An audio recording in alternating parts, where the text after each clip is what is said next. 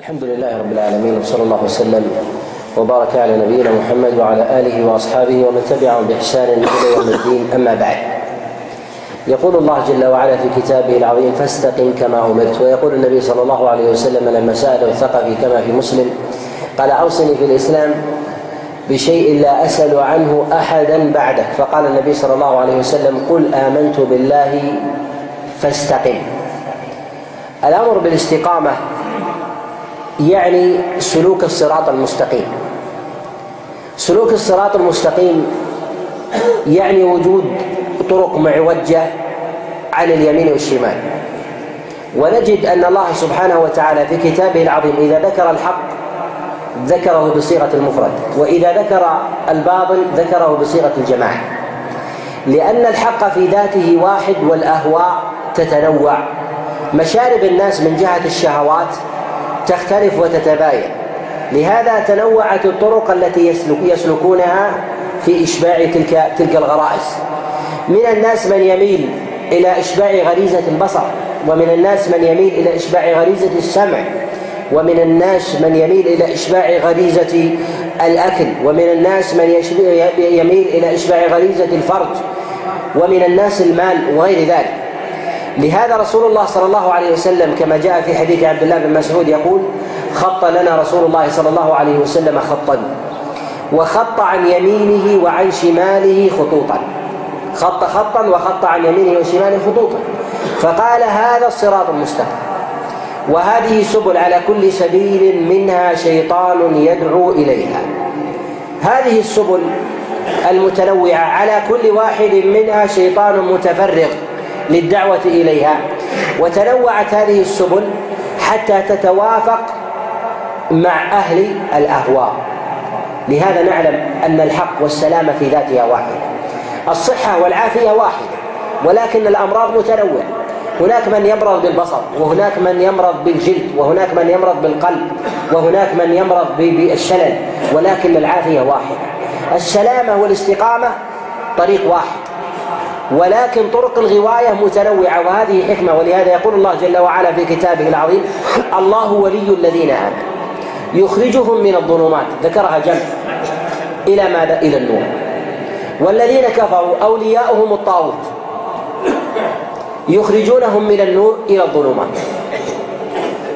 لهذا جعل الله جل وعلا الصراط المستقيم منفردا وجعله مستقيما الاستقامة فيها نوع ملل. لماذا؟ لأن الصراط المستقيم هو طريق يرى الإنسان فيه غايته بخلاف الطريق المعوج.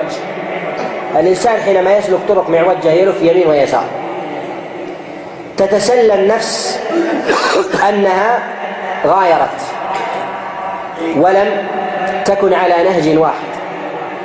فالذي يقف ثم يمشي ثم ينحرف يمنة ثم يسرة قد نوع في هوى النفس فأصبحت النفس تميل إلى التغيير حتى في الباطل فأصبح الباطل متنوع في ذاته موافقا لغريزة النفس وهواها وهذا أمر لو تأمله الإنسان يجد أنه ظاهرا حتى في طلب الحق.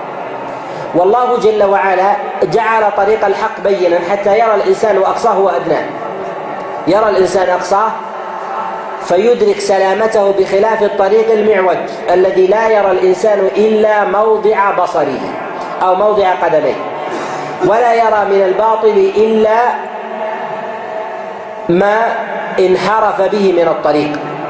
لهذا النبي صلى الله عليه وسلم حينما بين الحق جعله مستقيما والطريق المستقيم أخصر وأيسر من الطريق المعوج لأن المستقيم يرى الغاية. والشخص إذا أراد أن يسلك طريقا مستقيما من داره إلى الموضع الذي يريد أن يصل إليه وصل إليه بأيسر سبيل بخلاف الذي يسلك طرقا معوجة فإن ذلك يصل يصل متأخرا ولكنه يشبع غريزة النفس. بحيث الإنسان الذي يريد أن يلتفت إلى بنيات الطريق من الهواء والغواية أخذ يمنة ويسرى ولكنه يصل آخر الناس. هذا إن وصل. ما لم يفته ما أراده الله جل وعلا له. النبي صلى الله عليه وسلم أمر بالاستقامة وهذا ظاهر في قول الله جل وعلا فاستقم كما أمرت. الأمر بالاستقامة أمر بملازمة التقوى على سبيل الدوام. كثير من الناس يعتني بإصابة الحق ولكنه لا يعتني بملازمه بملازمة ذلك الحق. لهذا جاءت الوصية بالامر والتأكيد على ملازمة الحق أكثر من الوصية بالوقوع في الحق مباشرة لأنه ما من أحد إلا ويصيب الحق باعتبار أنه تأتيه النزوة التي تجعله يقبل على الحق. ما من أحد إلا ويقبل على الله. ثم يرجع. يجد إقبال ثم يرجع. ولكن المثابرة والمصابرة على طريق الحق هي التي جاءت النصوص بأهميتها ووجوب المكث فيها. ولهذا رسول الله صلى الله عليه وسلم لما جاءه الرجل وقال يا رسول الله قل لي في الإسلام قولا لا أسأل عنه أحدا بعدك. قال قل آمنت بالله. هذه إصابة الحق. هل يكفي هذا؟ لا. ثم استقم. يعني استقم على ما أنت عليه. لماذا؟ لأن من عرف الحق ووقع فيه ثم انتكس عنه أعظم جرما عند الله ممن لم يعرف الحق أصلا أو سمع به ولم يرتكبه أو يقع فيه. لأن المواقعة للحق دليل على قيام الحجة وإدراك البينة. فمن رجع عنها بعد معاينتها يحتاج إلى العقاب أكثر من غيره. ولهذا العقوبة ينزل الله جل وعلا العقوبة على من وقف على الحق وظهرت له البينة أعظم أعظم من غيره. ولهذا يقول الله جل وعلا في كتابه العظيم وما كنا معذبين حتى نبعث رسولا. بقدر استيفاء الرسالة لدى الإنسان يقع لديه العقاب ويقول الله جل وعلا في كتابه العظيم وإن أحد من المشركين يعني يا محمد استجارك فأجره حتى يسمع كلام الله ثم أبلغه مأمنه يعني أسمعه كلام الله سبحانه وتعالى على القدر الذي أراد الله جل وعلا فإن خالف أبلغه حينئذ المأمن وليكن ذلك فراق فراق بينك وبينه.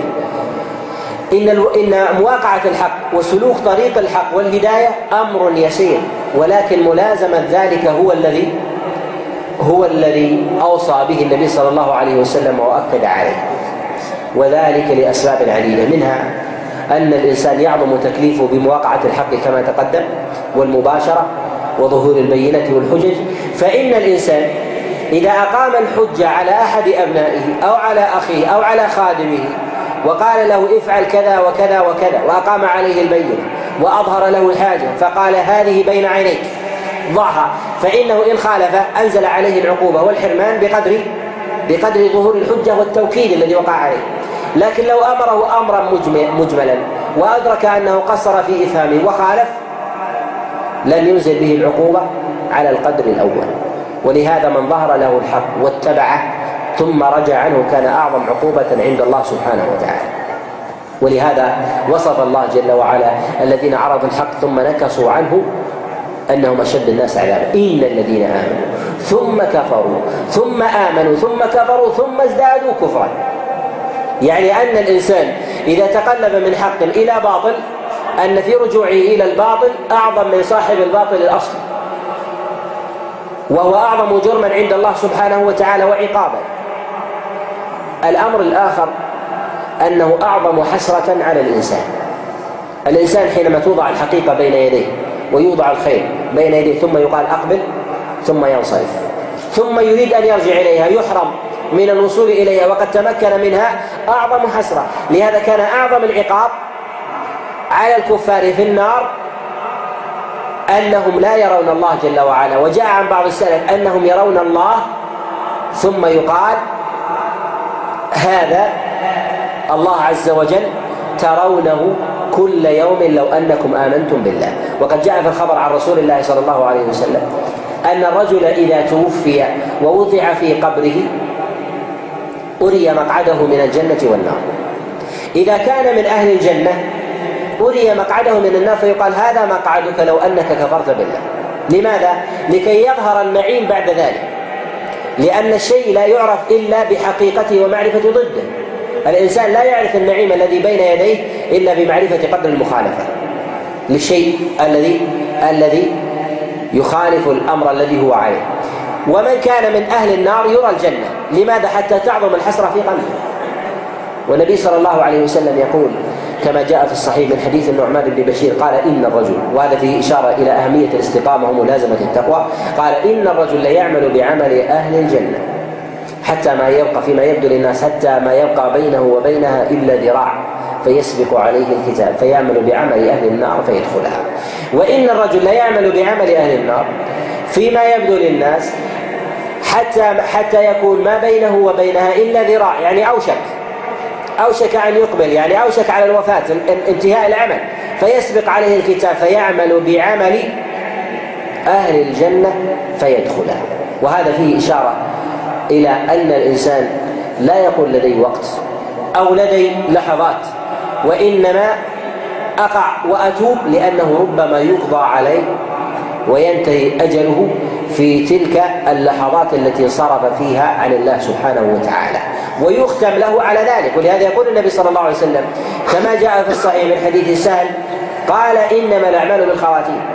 يعني الأعمال عند الله سبحانه وتعالى بما ختم للإنسان عليه.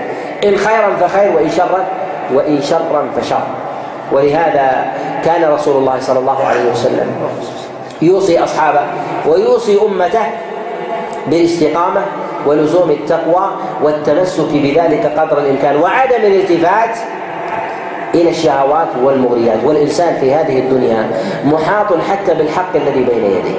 بالحق لا بد من المكابده الإنسان حينما يطيع والديه يطيعهم في كثير من الأحيان على كره لأنه يدع بعض اللذائذ من الانصراف إلى أزواجه إلى أولاده إلى جمع المال إلى أحاديث الناس ومجالسهم. ويخالف ذلك. ينصرف الإنسان حتى إلى الخير الدنيوي المحض من جمع المال بهجران مجالس الناس والانصراف إلى الدنيا والسهر عليها وحمايتها وهذا لا يتحقق للإنسان في خير الدنيا وخير الآخرة إلا بالمكابدة بالمكابدة وترك وترك شيء من اللذائذ لهذا رسول الله صلى الله عليه وسلم كان كثيرا ما يؤكد على أمر الاستقامة وأهمية لزومها. لماذا؟ لأن أمر الاستقامة أمر قصير وأمر الفلاح والنجاح مستديم. النبي صلى الله عليه وسلم يقول كما جاء في السنن وهو حديث مشهور وفيه جملة من العبارات التي لو تأملها الإنسان وجد ذلك الأثر عظيم. يقول النبي صلى الله عليه وسلم كما جاء في حديث العرباض بن سارية يقول وعظنا رسول الله صلى الله عليه وسلم موعظة بليغة عظيمة وجلت منها القلوب وذرفت منها الدموع. فقلنا يا رسول الله كأنها موعظة مودع يعني كأنك مغادر. الرجل حينما يريد أن يوصي أحدا ويريد أن يسافر سفرا بعيدا. وصيته تختلف عن الرجل الذي يذهب لأيام أو أسبوع أو أسابيع ونحو ذلك. تختلف باعتبار عدم اللقاء شعروا من تلك الوصية أن الوصية وصية شخص أجمل لهم وشد عليهم ونبههم كأن الرجل لا يريد أن يلقاهم بعد ذلك. فقالوا يا رسول الله كأنها موعظة مودع فأوصينا. قال النبي صلى الله عليه وسلم عليكم بسنتي بسنتي. تأملوا هذه الوصايا. عليكم بسنتي. وعلى تفيد الوجوب. إذا أردت أن توجب على شخص تقول عليك كذا وعلى فلان كذا يعني أنه يجب عليه أن يفعل هذا الأمر. عليكم بسنتي وسنة الخلفاء الراشدين المهديين من بعدي. تمسكوا بها وعضوا عليها بالنواجذ. ما جعل النبي عليه الصلاة والسلام الوصيه بعلى مجردا وإنما قال عليكم بسنتي وسنة الخلفاء الراشدين المهديين من بعد تمسكوا بها تأكيد. وعضوا عليها بالنواجذ. عضوا عليها بالنواجذ يعني بالأضراس. تمسكوا بذلك. والإنسان حينما يريد أن يتمسك بشيء بأضراسه أو بيديه لا يمكن أن يتمسك بشيء إلا وجود المنازعة. الإنسان حينما يمسك بشيء من صرة من ماله. أو يمسك بفلذة كبده ويضعه على صدره ويمسك به بقوة. في الغالب أنه يوجد شخص ينازعه بذلك بذلك المال يريد أن يأخذه منه. ولماذا يقبض عليه هذا القبض؟ وهذا التأكيد من النبي عليه الصلاة والسلام. إشارة إلى وجود طرف آخر ينازعك الأمر الذي الذي أنت عليه. ولهذا قال النبي عليه الصلاة والسلام عليكم وتمسكوا وعضوا. والإنسان إذا أراد أن يمسك بشيء ثمين كخريطة المال يمسكها ويعض عليها بأضراسه. لماذا؟ لأن هناك طرف آخر يشده. ولهذا الحق الذي يكون لدى الإنسان ثمة طرف آخر ينازعه فيه.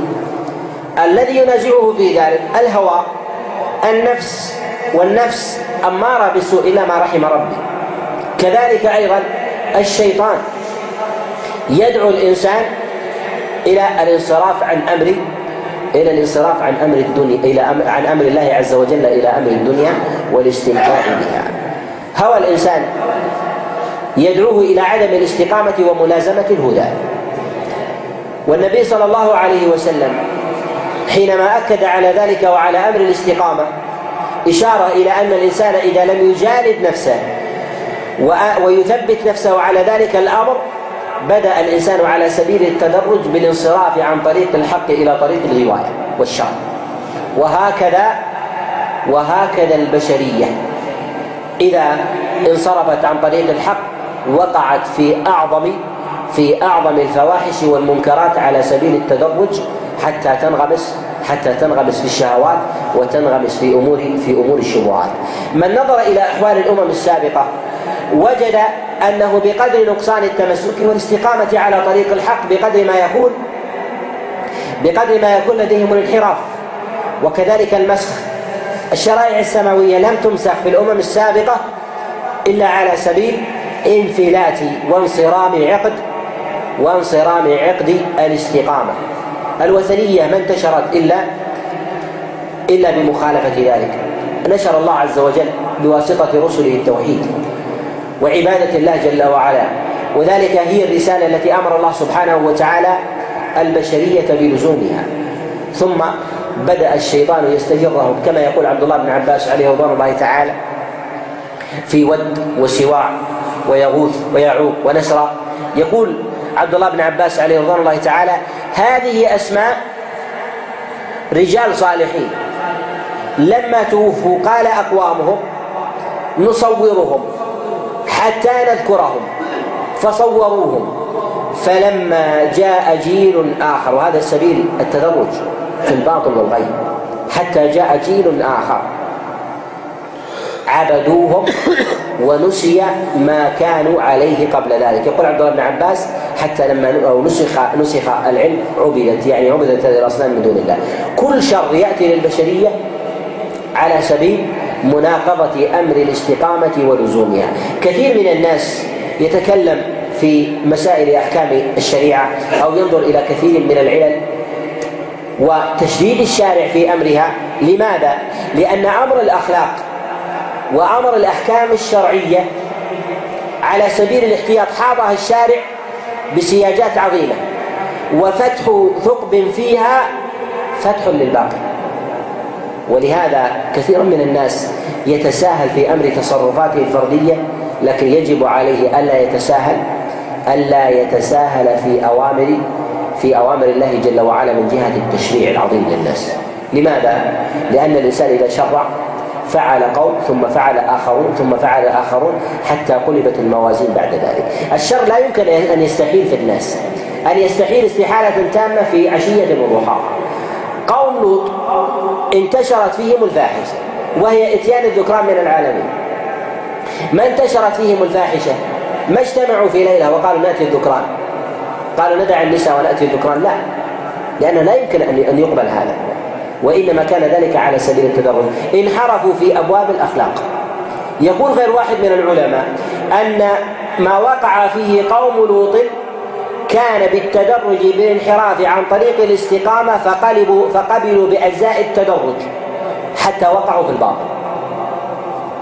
والتدرج في ذلك استباحوا أدبار النساء الأزواج ثم استباحوا الزنا بالأجنبيات ثم استباحوا أدبار الأجنبيات ثم استباحوا التلذذ بالنظر إلى الرجال ثم استباحوا بعد ذلك استباحوا بعد ذلك إتيان الذكران من العالمين حتى بلغ بهم إلى أن استمرأوا استمرأوا أمر الباطل. ولهذا قال الله جل وعلا في كتابه العظيم تأتون في ناديكم المنكر. معنى النادي أنهم وضعوا لفاحش لهذه الفاحشة في النوادي في الأسواق حتى إنهم بلغ بهم إلى ما كان أنكره عليهم لوط عليه عليه السلام أنه لما جاءه الملائكة بصورة الرجال ظنوهم أنهم رجال فأرادوا أن يفعلوا بهم الفاحشة. قال الله جل وعلا في كتاب العظيم وجاء أهل المدينة يستبشرون. الاستبشار بماذا عادة؟ بأمور الخير. هم مسخوا وظنوا أن هذا خير فقالوا جاء عند لوط رجال نريد أن نفعل بهم الفاحشة. فاستبشروا في النوادي جاء أهل المدينة. المدينة عامة. وما قال أفراد؟ يدل على أن الأمر قد قلب بالموازين. ولهذا ينبغي أن يعلم أن أمر استقامة البشرية لا يرجع إلى ذوق الإنسان. وإلى حسه وإنما هو إلى امتثال أمر الله سبحانه وتعالى. لهذا الله جل وعلا يعظم أوامره الشرعية ويحيطها بحياطات جليلة وأن الخرم فيها تشريعا للناس مفتاح للشر. جاء في الصحيح عن رسول الله صلى الله عليه وسلم أنه قال كان موسى عليه السلام حيا ستيرا ستيرا. يستحي أن ترى عورته وكانت بنو إسرائيل تغتسل عراة وكان موسى إذا أراد أن يغتسل استتر. فقالت بنو إسرائيل ما يستتر منا إلا وبه عاهه أو به مرض. انظروا الحشمة والحياء جعلوا سبب ذلك عاهه ومرض. لماذا؟ لأن ما هم عليه خطأ ففهموا غيره على طريق الخطأ. قال فأراد الله أن يبرئ موسى. فاستتر مرة فوضع ثيابه على حجر وأخذ يغتسل. قال فمشى الحجر بثيابه وأخذ يتبع الحجر ويقول ثوبي حجر ثوبي حجر حتى رآه بنو إسرائيل. ثمة أمر لطيف في هذا. لماذا أمر الله جل وعلا الحجر بأن يهرب ويذهب بثياب موسى؟ ولم يأمر موسى أن يفسخ ثيابه حتى يراه الناس.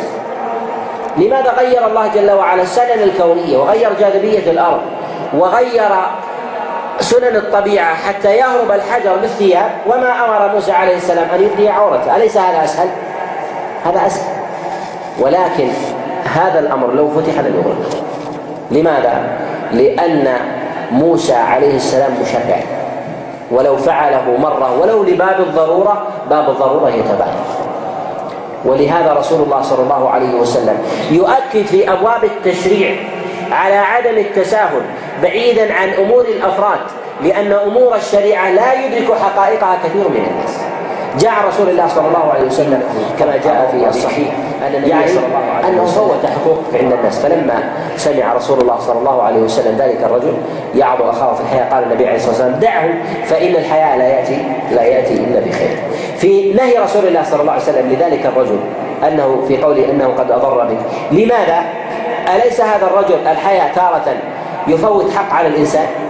يفوت حق للإنسان وربما يستغلون الناس الذي يستحي فيستغلونه في مادته ويستغلونه في ذهابه ومجيئه وكذلك في استهلاك وقته وكذلك أيضا في في إبعاده عن عن مصالحه ونحو ذلك ويستحي ويستحي منه. ولكن هل هذا يقبل بإعادة الحق تحت هدم باب الحياة؟ أعد الحق لأصحاب الحق تحت إعادة الحق لا تحت لا تحت هدم الحياة. ولهذا الشريعة جاءت بضبط الإسلام وأهمية لزومه جماعة وفردا لأن الإنسان إذا خالف أمر الاستقامة نقص نقص في أمر تمسكه بذلك حتى ينخرط عقد الناس في مخالفة أمر الله سبحانه وتعالى. لهذا رسول الله صلى الله عليه وسلم كان كثيرا ما يوصي بأمر الاستقامة ويحذر من كل أمر يشرع لمخالفة أمر الله سبحانه وتعالى وهذا ظاهر أيضا في قول الله جل وعلا ولا تتبعوا السبل فتفرق بكم عن سبيله يقول الله جل وعلا آمر النبي عليه الصلاة والسلام أن يبلغ قومه. قل هذه سبيلي أدعو إلى الله على بصيرة أنا ومن اتبعني. هذه السبيل التي أمر الله جل وعلا بسلوكها وهي طريق محمد صلى الله عليه وسلم ضدها السبل. ولهذا قال الله جل وعلا ولا تتبعوا السبل فتفرق بكم عن سبيله. السبيل التي تخالف طريق الله جل وعلا يقول مجاهد بن جبر هذه السبل هي البدع البدع والشبهات. البدع والشبهات هي التي تفت من عضد الإسلام. أعظم شيء يفت في عضد الإسلام هي البدع التي تدخل في دين الله جل وعلا على أنها من الدين.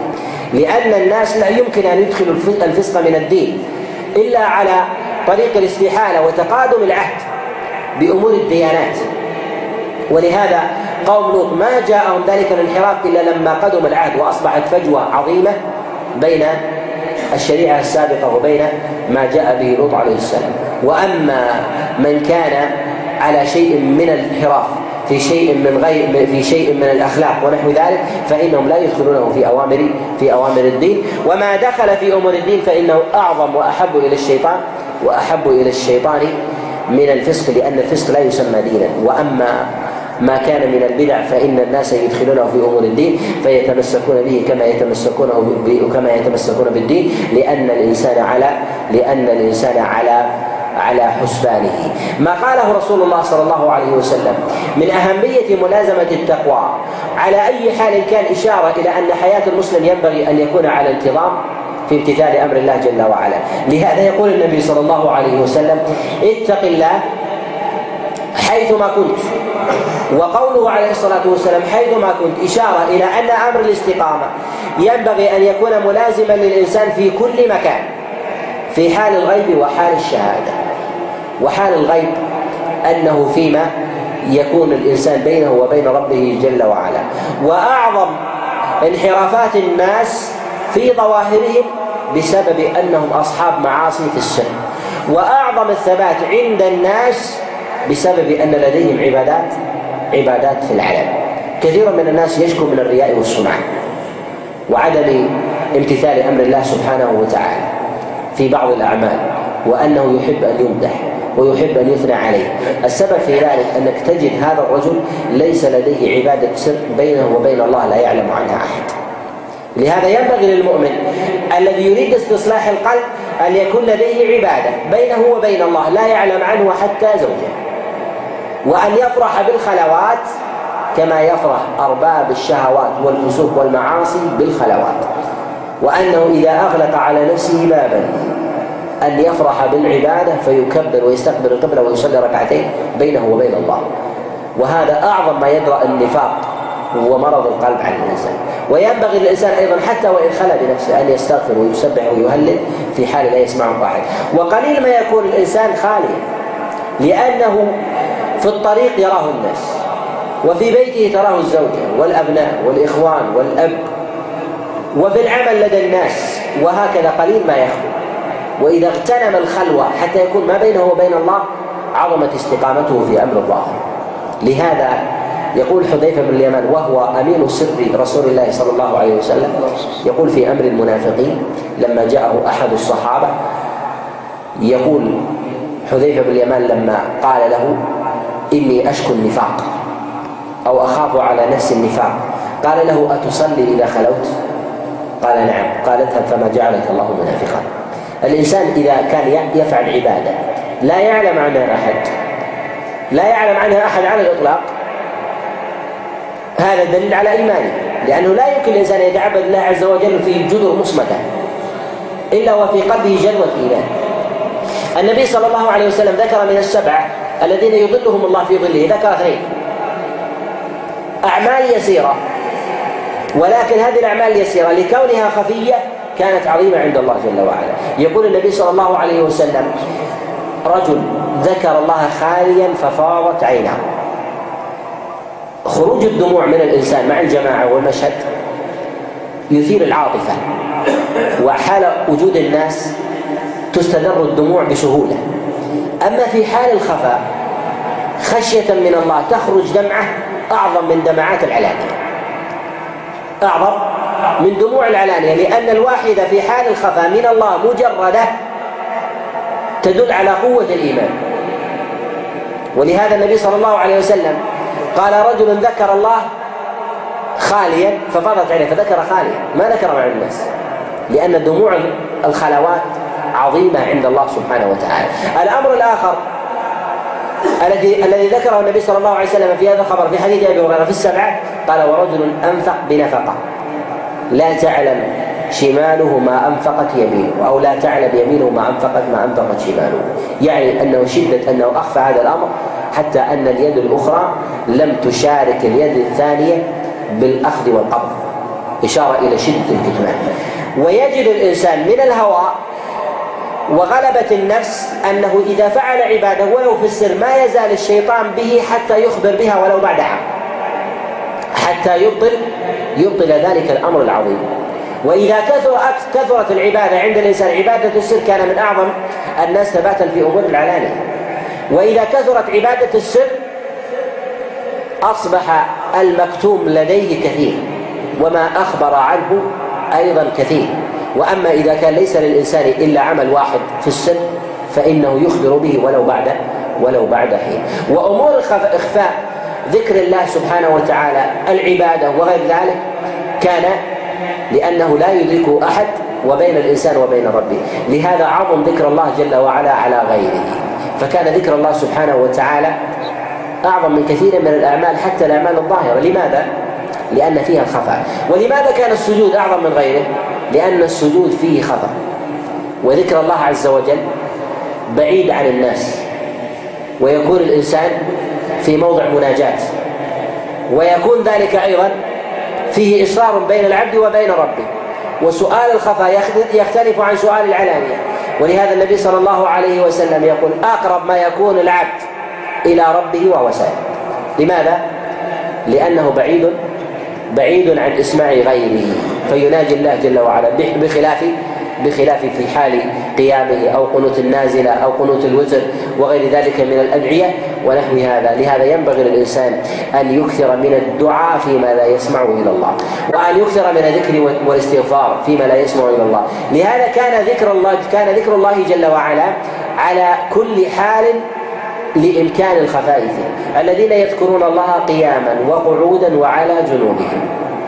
وذكر غير واحد من العلماء. قال أعظم الأعمال خفاء التفكر. لهذا قال الله جل وعلا ويتفكر لأن التفكر لا يمكن لا يمكن أن يبوح به الإنسان لأنه أمر غير مدرك من جهة الحقيقة. فيتفكر في آيات الله ومخلوقاته ويتأمل ومما يغرس في قلبه في قلبه الإيمان وهذا من أعظم ما يثاب ما يثاب عليه الإنسان. لهذا كان أعظم وسائل الثبات والاستقامة على دين الله جل وعلا أن يجعل الإنسان لنفسه نصيبا من اعمال من أعمال العلا من أعمال السر لا أعمال العلانية. أما أعمال العلانية فيطيقها فيطيقها كل أحد. ولهذا فاقت قيام فاقت صلاة الليل على صلاة النهار. النبي صلى الله عليه وسلم يقول أفضل الصلاة صلاة الليل. لماذا؟ لأن صلاة الليل موضع خفا والناس نوم والظلام دامس ولا يميز أحد. وحتى الأهل يكونون نوم فالعبادة فيه تختلف عن غيره. لهذا كانت العبادة في حال الخفاء نجد النصوص تتوافر وتتوافر على فضلها وتعظيمها بخلاف عبادة العلانية. وكلما كان الإنسان مختفيا في حال العبادة كان أعظم عند الله سبحانه وتعالى. ورسول الله صلى الله عليه وسلم يبين أن العبادة في آخر الزمان وفي زمن الفتنة والهرج كالعبادة في زمن رسول الله صلى الله عليه وسلم. لماذا؟ لأن الإنسان ما أسر العبادة فقط بل أسر العبادة في حال وجود المخالفة. في حال وجود المخالفة والدعوة إلى خلاف ما يقوله الإنسان.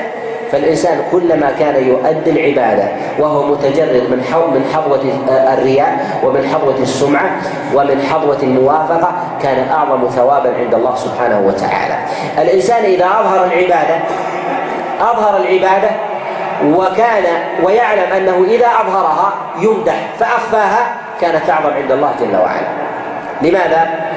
لأنه كان حظ للنفس فأخفاها فأسقط حظ النفس لحق الله جل وعلا عظم ثوابا عند الله سبحانه وتعالى.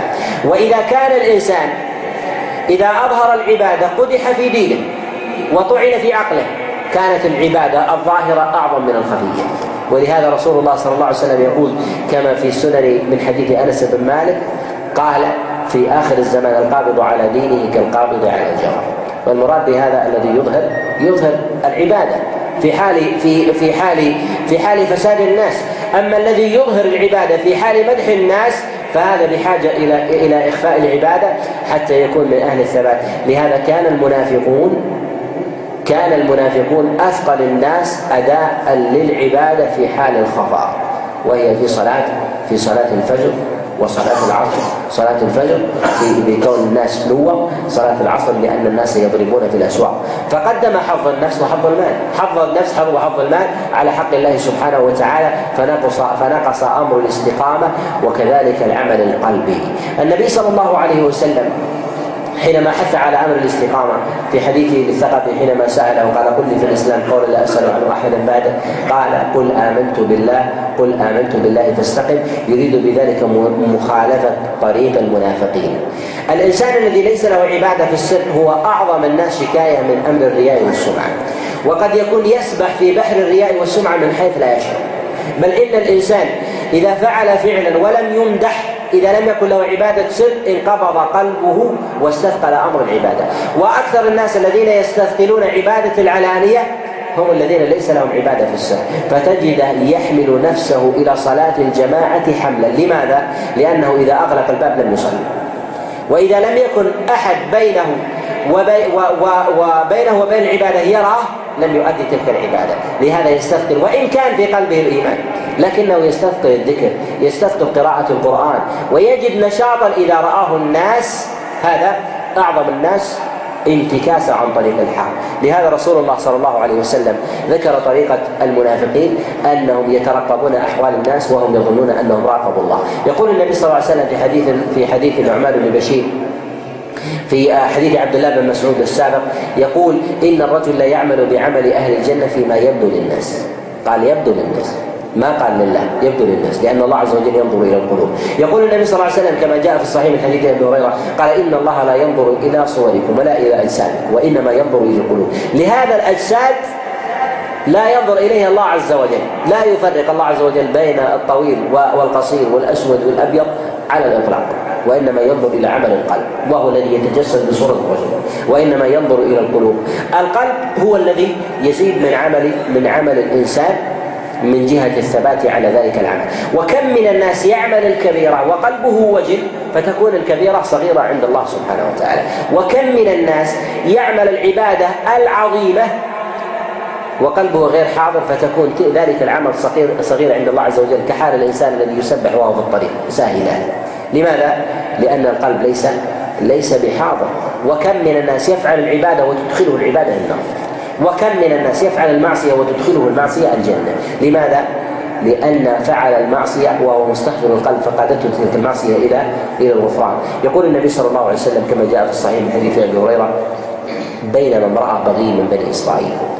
البغي ليست الزانية لا التي اتخذت الزنا منه تتقوج منه بينما امرأة بغي من بني إسرائيل. تمشي فرأت كلبا يلعق الثرى من الطرف من من العرش. فنزلت في بئر فنزعت موقها. الموق الخف من الجلد. فسقت الكلب. فاستغفرت. استغفرت من ماذا؟ أن الله يغفر لها بهذه السقاية لماذا استحضرت التوبة؟ أن القلب وجل يعني لم يفعل الإنسان المعصية وكأنه شرب الماء وغادر لا بقي الذنب في القلب. حتى أنها أرادت أن تتمسك بأي عمل خير لعله يكون بوابة إلى التوبة فاستغفرت فغفر الله عز وجل عز وجل. لها يقول أبو هريرة عليه رضوان الله تعالى كما في الصحيح يقول حميد أعجب حديثين سمعتهما عن رسول الله صلى الله عليه وسلم. يقول الزهري أعظم حديثين سمعتهما عن رسول الله صلى الله عليه وسلم ما حدثني بهما حميد عن أبي هريرة عن رسول الله صلى الله عليه وسلم. الحديث الأول قال النبي صلى الله عليه وسلم دخلت امرأة النار في هره حبستها. لا هي أطعمتها ولا هي تركتها تأكل من خشاش الأرض رجل امرأة تدخل النار في هرة في بهيمة دخول النار. أما الحديث الآخر انظروا عكس. يقول النبي صلى الله عليه وسلم رجل من كان قبلكم لم يعمل خيرا قط لم يعمل لم يعمل خيرا قط لما حضرته الوفاة قال لأبنائه إن أنا مت فأحرقوني ثم اطحنوني ثم ذروني في الريح. فوالله لئن قدر الله علي ليعذبني عذابا ما عذب أحد من العالمين. لماذا؟ ما ما قصر في أمور الخير. أمور الخير معدومة غير موجود من الخير. وإذا كان لم يعمل خيرا قط معناه أنه فعل الشر كله